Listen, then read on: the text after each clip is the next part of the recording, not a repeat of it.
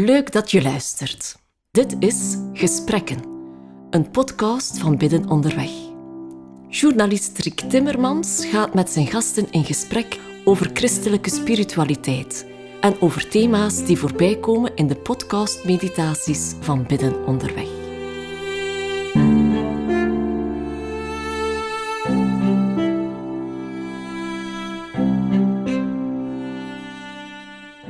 Thema van vandaag is roeping.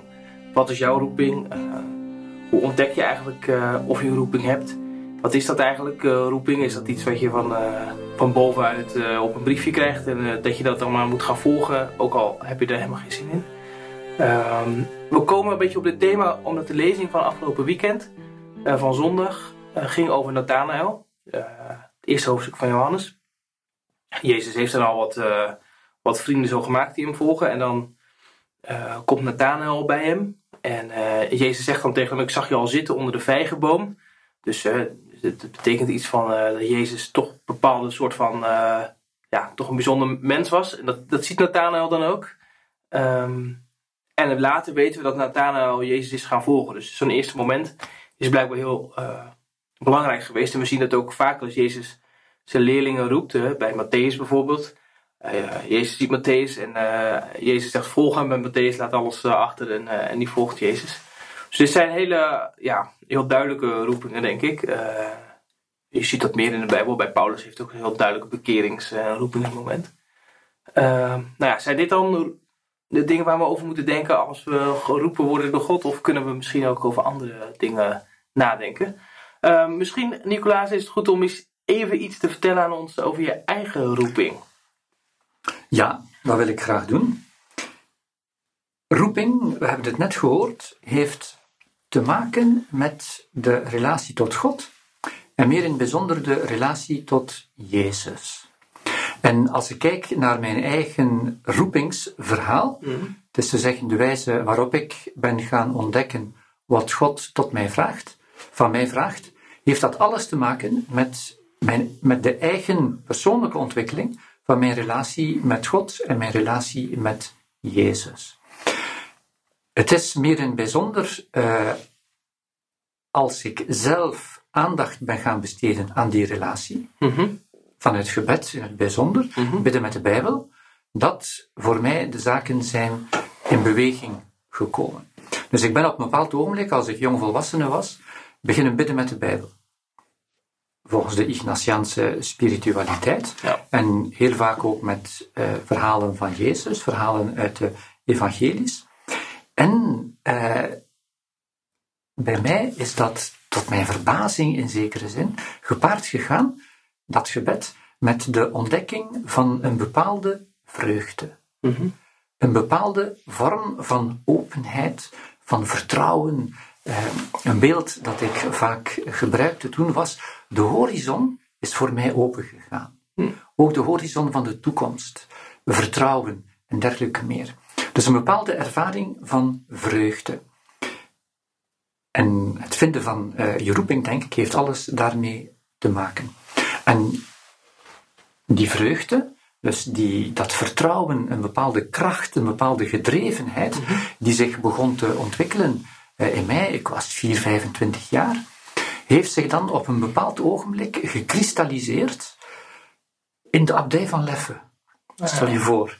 Nee, en niet omdat ik vier of vijf uh, uh, biertjes uh, achterover gekapt had, maar we deden daar met het groepje van jongeren, het GCL-groepje, dus een, een, bezinningsgroepje waar ik deel van uitmaakte, mm -hmm. deden we daar een retraite van een weekend. En tijdens een stille gebedstijd, waar we opnieuw uitgenodigd werden om met zo'n Bijbeltekst te bidden, kwam die vreugde opnieuw heel sterk eh, naar boven.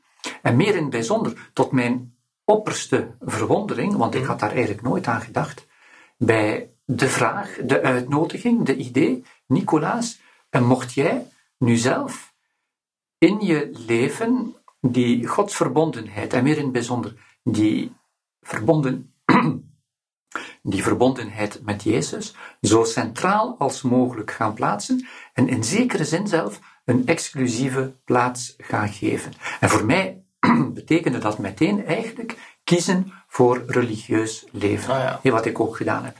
En dat ging bij mij gepaard met een hele grote vreugde. De Maar dat, idee was, alleen. dat idee was al iets waar je dan mee, waar je al wel eens mee gespeeld Nee, had? nee, nee. Ah, nee. Ik had daar eigenlijk nog nooit mee gespeeld. Maar was de vraag concreet? Ging, het ging niet concreet over religieus leven, dus dat kwam eigenlijk zo binnenvaren. De vraag, of de idee kwam zo binnenvaren, werd mij als het ware gesteld. Ja. En ik denk dus niet dat ik ineens een stem uit de hemel hoorde, of dat ik ineens door elkaar geschud werd fysiek, maar die vraag die kwam daar. En ik had dat niet zien aankomen, dat was voor mij helemaal onverwacht. En ik denk dat dat ook iets zegt over de kern van de roeping, althans de wijze waarop christenen roeping verstaan. Roeping maak je niet zelf. Mhm. Roeping is niet iets wat je, waar je eh, heel moeizaam zelf aan bouwt. Roeping ontvang je. Ja. Ik, een roeping is in die zin, tenminste is in een zekere zin best denk ik een lastig woord. Misschien ook wel als je zit te kijken, dat je dat heel makkelijk verbindt aan nou ja, een roeping om priester te worden of om non te worden of zuster of, eh, of, of dat soort dingen. En in jouw geval is het natuurlijk ook zo geweest dat je een roeping ontving om, eh, ja, geval je bent jezuïet geworden en dat, dat bleek achteraf ook het juiste pad eh, te zijn om, om gehoor te geven aan die, aan die roeping. Maar als we het wat breder zouden trekken, dus eh, je zit te kijken en je bent geen religieus geworden of, of dat is helemaal niet, niet aan de orde. Als ik zelf bijvoorbeeld kijk, ik, ik ben dat wel gaan verstaan. Op dat moment zag ik dat denk, denk ik helemaal niet zo. Dat ik het als roeping zie om, om door het leven te gaan als, als echtgenoot. En nu zeker, nu we twee kinderen hebben, is eigenlijk mijn eerste roeping is ja, een vader zijn. En daarbij hoort voor mij heel sterk ook een goede echtgenoot zijn, omdat ja, die stabiliteit van het gezin is eigenlijk het, het beste geschenk wat je zo'n kind kunt geven. En door het op die manier te beleven, eh, kan dat ook, eh, ja, wordt het eigenlijk iets groters dan alleen maar, de, alleen maar een afspraak tussen twee eh, mensen om, om samen te leven. Dus het geeft, ook, ja, het geeft ook iets om aan te werken op een bepaalde manier, omdat je dat ook in een bredere context kunt zien. Maar hoe zou je nou, want dit, bij mij kwam het zo ja, de keuze voor mijn vrouw was, eh, was plotsklaps heel helder. Dat ik wist, nou ja, dit is de vrouw waar ik eh, de rest van mijn leven mee samen wil. Eh, maar dat dat een roeping zou kunnen zijn, dat werd eigenlijk later pas uh, gaan, gaandeweg duidelijk. Is dat, is dat ook een manier waarop, hoe we ook als we al een leven hebben, een roeping kunnen ontvangen? Ik denk dat, het, dat je iets heel belangrijks aanraakt, eh, Rick. Roeping hebben we heel vaak beschouwd als iets wat exclusief ging over roeping tot God gewijd leven. Ja, oh ja, Hè, ja, Binnen de katholieke kerk ging het dan over priester worden, religieus, priester, pater, eh, zuster enzovoort. Bij protestanten gaat het dan meer over dominee, eh, voorganger en dergelijke meer. En men noemde bijvoorbeeld in de katholieke kerk, noemde men een dergelijke levenskeuze ook vaak eh, de, de staat van perfectie. Ah, ja. Dat waren de perfecte christenen. Of dat waren op zijn minst de christenen die uitgenodigd werden om te komen tot perfectie in de navolging van Jezus. En er waren natuurlijk hè, het grootste deel van de mensen, ja, die moesten wel trouwen, want hè, die konden nu spijtig genoeg om allerlei redenen geen priester of geen religieus worden. Gelukkig hebben we dit idee verlaten. ja. Hè, want dit is werkelijk, eh, denk ik, eh, verkeerd. Jezus roept alle mensen. Jezus roept alle mensen. Eh, en ik zou zelfs zeggen, niet enkele christenen. Mm. Oh, wij spreken hier vanuit een christelijk eh, perspectief. Hij roept alle mensen tot wat? Is er dan een soort universele roeping? Eh, nee, het is meer dan een universele roeping. Het is een bepaalde manier om hem na te volgen. En je kan hem net zo goed navolgen in het huwelijk, bijvoorbeeld. Of je kan ook kiezen voor, voor een celibatair leven zonder priester of religieus te worden. Roeping betekent of gaat uit van de idee dat God je uitnodigt, elke mens uitnodigt, om zijn evangelie, het evangelie dus van, eh, van Jezus, van, van God, te leven, heel concreet, in zijn of haar leven. En een aantal keuzes te maken, je leven zo in te richten, zo te organiseren, door grote keuzes, door kleinere keuzes, waardoor je werkelijk maximaal op die roeping kunt ingaan. Niet omdat dit nu eenmaal een droeve plicht is, Nee. maar omdat dit een uitnodiging is en de bevoorrechte weg naar geluk, ja. naar leven in overvloed. Zo wordt het genoemd in de evangelies. En is het dan eigenlijk voor, voor iedere mens is dat een andere weg? En die weg zoeken waarop het waarop je op een goede manier daaraan gehoor kan geven aan die oproep, dat zou je kunnen omschrijven als.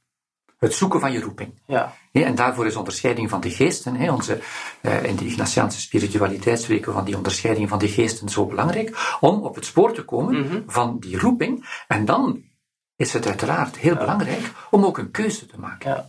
Om, uh, als je Dus wat, geleid- wat betekent het voor mij dat ik eh, Christus navolg? Die vraag, die vraag eh, ten diepste proberen te doorleven. Ja, en, en En een keuze maken. En dan een keuze maken als je, waar je eh, aangetrokken wordt door, eh, door een bepaalde vreugde. Zoals jij dat Kijk, hebt ervaren. ik ga een voorbeeld geven. Ja, om nu, ik ben niet getrouwd, jij bent getrouwd. Hè? Maar je zegt zelf op een bepaald ogenblik, was het duidelijk, dit is de vrouw waarmee ik mijn leven eh, tot eh, aan mijn dood wil doorbrengen. Maar met permissie gezegd, jouw vrouw, hè, die ik een beetje ken, is een buitengewone vrouw, maar ze is geen perfecte vrouw. Hè? En, want de perfecte vrouw bestaat niet.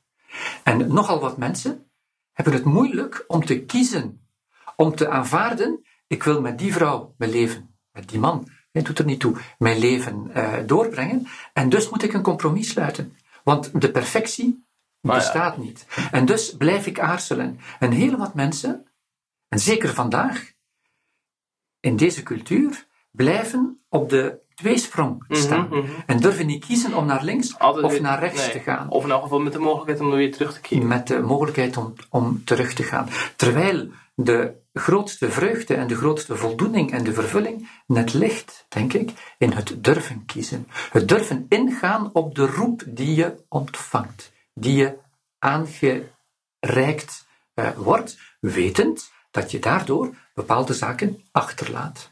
Hé, bijvoorbeeld, ik heb, je spreekt zelf over het belang van kinderen in je leven. Ik heb geen kinderen. Ik heb die keuze gemaakt. Ik heb geen kinderen en ik zal ook geen kinderen hebben. En ik voel me daar lekker bij. Oké, soms vind ik dat spijtig, maar ik heb een andere keuze gemaakt en daardoor worden andere zaken mogelijk. Ja. Door het feit dat jij gekozen hebt voor, eh, voor je vrouw en, en voor die kinderen, worden een aantal zaken mogelijk en andere zaken zijn niet mogelijk. Je sprak net over eh, een beetje het verleden, hoe dat roeping werd gezien. En ik denk dat het op een bepaalde manier misschien toch doorwerkt.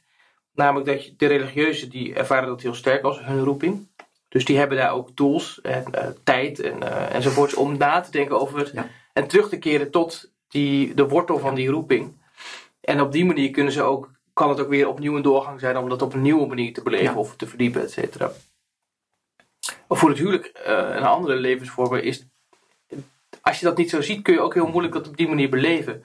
Wat zou je nou kunnen doen? Eh, want jij hebt dus blijkbaar wel de ervaring dat heel sterk als roeping te beleven. Als je getrouwd bent of je hebt een andere keuze gemaakt, hoe kun je nu. eh, ja, wat zijn tools om, om, dat, om die roeping te ervaren en te doorleven?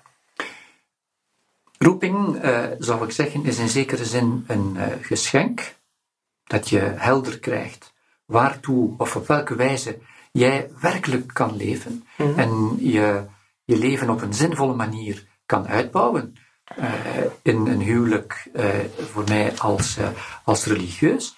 Maar een dergelijk geschenk is, hoe zou ik zeggen, is geen afgewerkt product dat je zomaar in de schoot wordt geworpen, eens en voorgoed. Het is een engagement, het is een levensweg. En dan is het belangrijk dat je je leven lang blijvend investeert om die levensweg werkelijk weg tot leven te maken.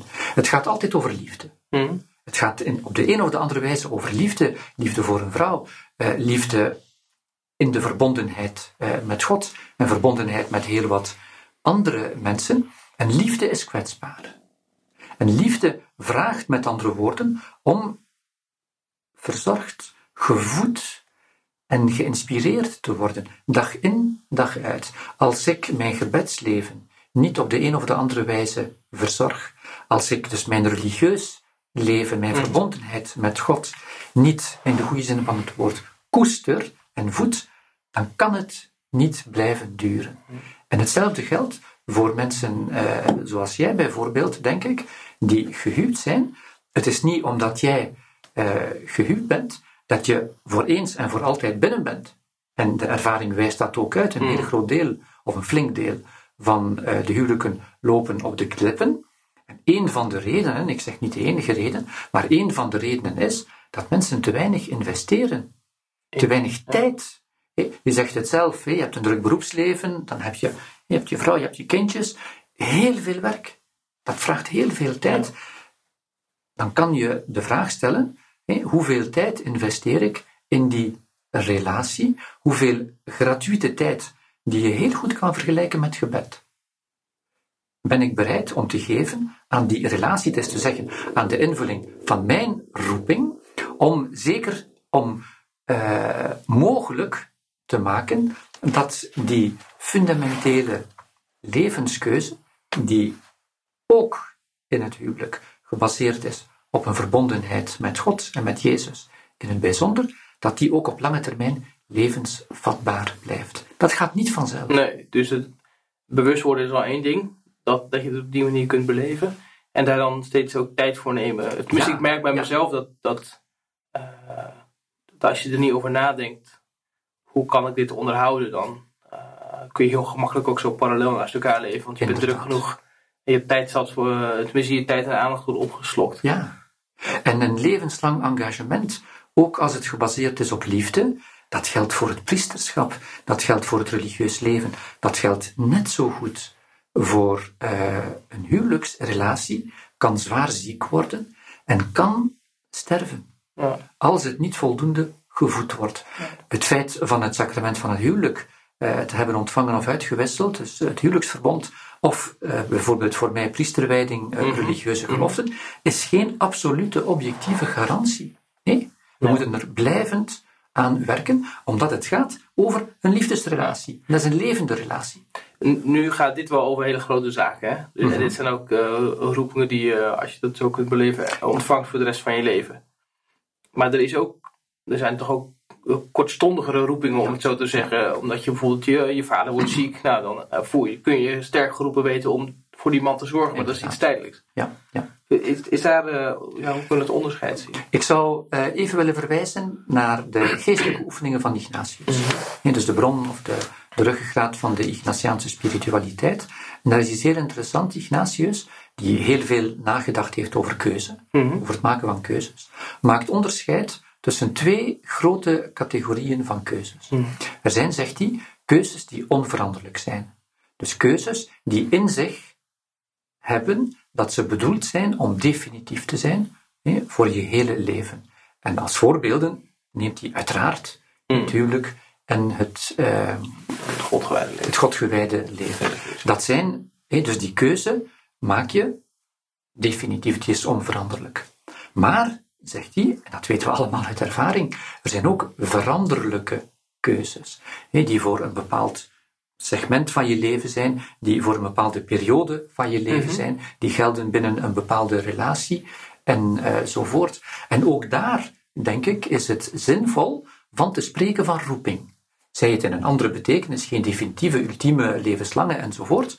En dat betekent dus dat je ook er mag van uitgaan dat ook bij het maken van die kleinere keuzes, die ook belangrijk kunnen zijn, mhm. dat je ook daarbij er mag van uitgaan dat God met je meegaat en dat God je eigenlijk uitnodigt. En dat God je dus ook helpt om die keuze te maken. En dat met andere woorden, om nu even eh, terug te vallen op, de, op het Ignatiaanse woordgebruik, dat onderscheiding mhm. daarbij belangrijk kan zijn en dat het dus zinvol kan zijn, ook voor dergelijke kleinere keuzes in je gebed.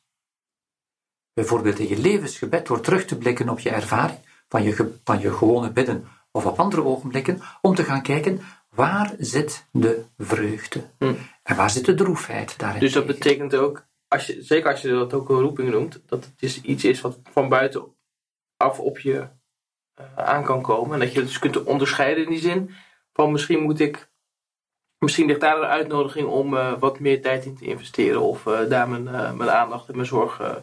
ja, inderdaad. Dus het is niet alleen maar zelf nadenken van dit, dit en dit kan ik doen, maar het vergt ook een bepaalde openheid dat iets van op je af kan komen. Inderdaad, en de uitdaging is steeds, want dus je gebruikt het woord nadenken, en dat is een heel belangrijk woord. We moeten daarbij nadenken, maar in de eerste plaats gaat het over, of uiteindelijk, niet in de eerste plaats, uiteindelijk gaat het over terugblikken op je ervaring en als het even kan, op die diepere ik zou zeggen buikervaring, op je diepere affectieve ervaring. En hoe weet je dan, uh, als je hebt een keuze gemaakt, en dat het dan toch, ja, met dat woord dan toch te gebruiken, niet je roeping is om daarop verder te gaan. Dus je zit wel in een relatie, maar je moet daar eigenlijk, alles zegt je van ik moet het toch misschien maar niet doen. Het gaat steeds over het luisteren naar vreugde, droefheid. En als je op het juiste pad zit, dat we zeggen het pad waarop God jou uitnodigt, dan is het waarschijnlijk dat de diepste ondertoon erin is van vreugde. Kijk, eh, je hebt nu kleine kinderen. Je hebt daarnet nog verteld, eh, voor we aan deze uitzending begonnen, over uh, al de zorgen die die kleine kindjes uh, met zich uh, kunnen brengen. Dat is niet leuk. Nee. Dat is niet leuk als je s'nachts wordt wakker gehuild hmm. door, door een baby of weet ik veel, of er is een ongeluk je moet naar het ziekenhuis met zo'n kind. Dat is bepaald niet leuk. Dus het gaat niet altijd over leuk of niet leuk. Hmm. Hmm. Maar ook als je wakker bent gehouden de hele nacht door zo'n kind, maar je hebt dat kind kunnen verzorgen en je hebt daar iets goed kunnen mee doen, dan gaat er toch dieper onder die vermoeidheid en misschien die ergernis en die boosheid, weet ik veel, gaat er een gevoel zijn van dit is goed. Ja. Maar als dat gevoel er nou niet is, hè, bij kinderen kun je niet zo goed ervan af, maar bij andere keuzes die je hebt gemaakt kun je er denk ik wel vanaf. Dus uh, mensen, mensen bijvoorbeeld die zitten te kijken en die uh, weten niet goed of ze verder moeten in een relatie of niet. Kun je dan ook dat, dat die onderscheiding gebruiken om te zeggen, nou, het is, het is gewoon goed dat, ik er dat we er nu een einde aan maken. Uh, dat kan nu, we moeten een onderscheid maken hè, uh, tussen een relatie. Wat bedoel je met een relatie? En binnen een relatie, uh, bijvoorbeeld, kan je, zoals jij, zo ver gekomen zijn hmm. dat je besloten hebt om te huwen. Dat is anders ja, okay, dan een relatie waar geen huwelijk is. Ja. Als je in een relatie waar geen engagement is, of geen definitief engagement, als je merkt dat je uiteindelijk ongelukkig wordt, gefrustreerd, dat je zegt, ja, dat is misschien wel een vriendelijke, een vriendelijke persoon, maar dat is niet datgene wat ik zoek, of daar, daar voel ik geen, enzovoort, ja, dan is het waarschijnlijk beter om die relatie te beëindigen. dus het gaat heel sterk om leren luisteren naar dat gevoel en, en daarmee ook uh, dat in gebed uh, dat in te brengen. Dus waarom is dat gebed zo belangrijk? Uh, dat gebed is zo belangrijk omdat het de zaak opentrekt naar je relatie met God, maar ook de zaak uitzuivert. Want dat bidden betekent uiteindelijk dat je je steeds opnieuw gaat, dat je je ervaring steeds opnieuw gaat toetsen aan de ervaring van Jezus. En Jezus is diegene die ons zuiver leert voelen, mm. omdat hij ons de, de eigenlijke liefde aanleert. De liefde die niet zichzelf zoekt, maar de gegeven liefde. En dan moeten we steeds opnieuw, moeten we ons laten bekeren eigenlijk door die liefde van Jezus, omdat we voor het minste hm. of steeds daarvan uh, afdrijven. En daarom is voor die onderscheiding dat gebed zo belangrijk. Niet omdat daar dan een magische uh, dimensie bij komt, maar omdat in die verbondenheid met God onze liefdeskwaliteit gewoon terug wordt aangescherpt en opnieuw wordt gevoed. En daardoor wordt onze diepere affectieve ervaring ook veel betrouwbaarder, omdat ze eigenlijk van God komt. Ja. Of althans in belangrijkere mate dan van God komt. Dat is een eerste punt. En een tweede punt, en dat is denk ik voor ons heel moeilijk, in ieder geval voor mij, uh, in mijn persoonlijke ontwikkeling is het heel moeilijk geweest. En ik blijf het daarvoor een stukje moeilijker of moeilijk mee hebben, zij het dat ik dat wel geleerd heb. Het durven vertrouwen op je diepere ervaring. En niet wat men denkt, wat de samenleving mij voorschrijft. Mhm. Nee, wat zegt je hartje? Wat zegt zo die diepe kern van je persoonlijke ervaringen? En daar geloof durven aan hechten, omdat God in de eerste plaats spreekt in die diepe ervaring. Ons verstand is ook belangrijk en blijft belangrijk, ook bij het maken van keuzes, maar het verstand dient in belangrijke mate om te helpen, om te lezen in die diepere persoonlijke ervaring. En hoe, eh, want stel dat je, eh, je luistert, je denkt, ja, gevoel is altijd iets, vind ik een beetje ingewikkeld om naar te luisteren. Of eh, wat, wat is dat eigenlijk precies? Of ik, ik kom nooit echt bij mijn gevoelens. Misschien eh, tot- slot nog een, eh, een mooi advies daarvan. Hoe zou je nou dat gevoelsleven verder kunnen ontwikkelen? Eigenlijk heb ik daar een heel eenvoudige tip voor. Dat is levensgebed. Dat betekent, want dus je zegt ontwikkelen, oefenen. Het gaat over oefenen. Het gaat over het leren, ontwikkelen en aanscherpen van je voelhorens, Mhm. van je antennes. En daar is maar één methode voor, als ik het zo mag zeggen, en die heet oefenen. Ja. Oefening baart kunst. Ja, dus gewoon, steeds teruggaan. Wat heb ik nou eigenlijk ervaren? Wat, wat is er nou eigenlijk vandaag? Inderdaad. Wat Wat kwam er in die situatie bij mij boven? Ja. En waarom? Ja. Ja. En dat, is, en dat heet levensgebed. Dus biddend terugblikken op je ervaring. En zien, waar heb ik nu vandaag iets ervaren van vreugde? En als je dat eens om de twee maanden doet, ja, dan ga je enkel maar de hele grote piekmomenten kunnen opmerken. Maar als je dat regelmatig doet, bijvoorbeeld elke dag enkele minuutjes kan volstaan, dan ga je geleidelijk aan gevoeliger worden voor allerlei akkefietjes. Want ons leven bestaat eigenlijk uit akkefietjes. Wat Met hele kleine, akkefietjes? hele kleine dingetjes. Ah, ja. Die totaal onbelangrijk lijken, maar 99% van onze tijd bestaat uit dergelijke akkefietjes. En het levensgebed helpt je om die op te merken. Ja. En daar ligt de vreugde, in die kleine dingetjes, waar ons leven van overloopt. En niet die grote uitzonderlijke gebeurtenissen die eens in het jaar gebeuren. Als je een heel jaar moet wachten om gelukkig te worden, tot als dat ene moment zich aandient, ja, dan verlies je wel heel veel tijd. Wel, die akkefietjes, daar gaat het over.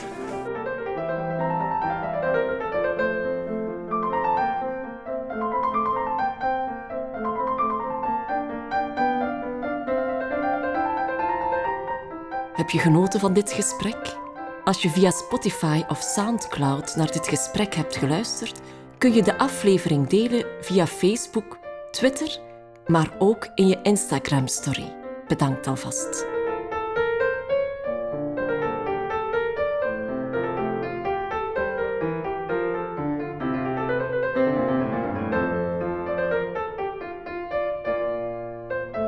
Bidden onderweg is een gebedspodcast.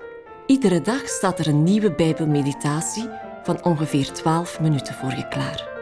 Je vindt de gratis app van Bidden onderweg in je App Store of ga naar biddenonderweg.org.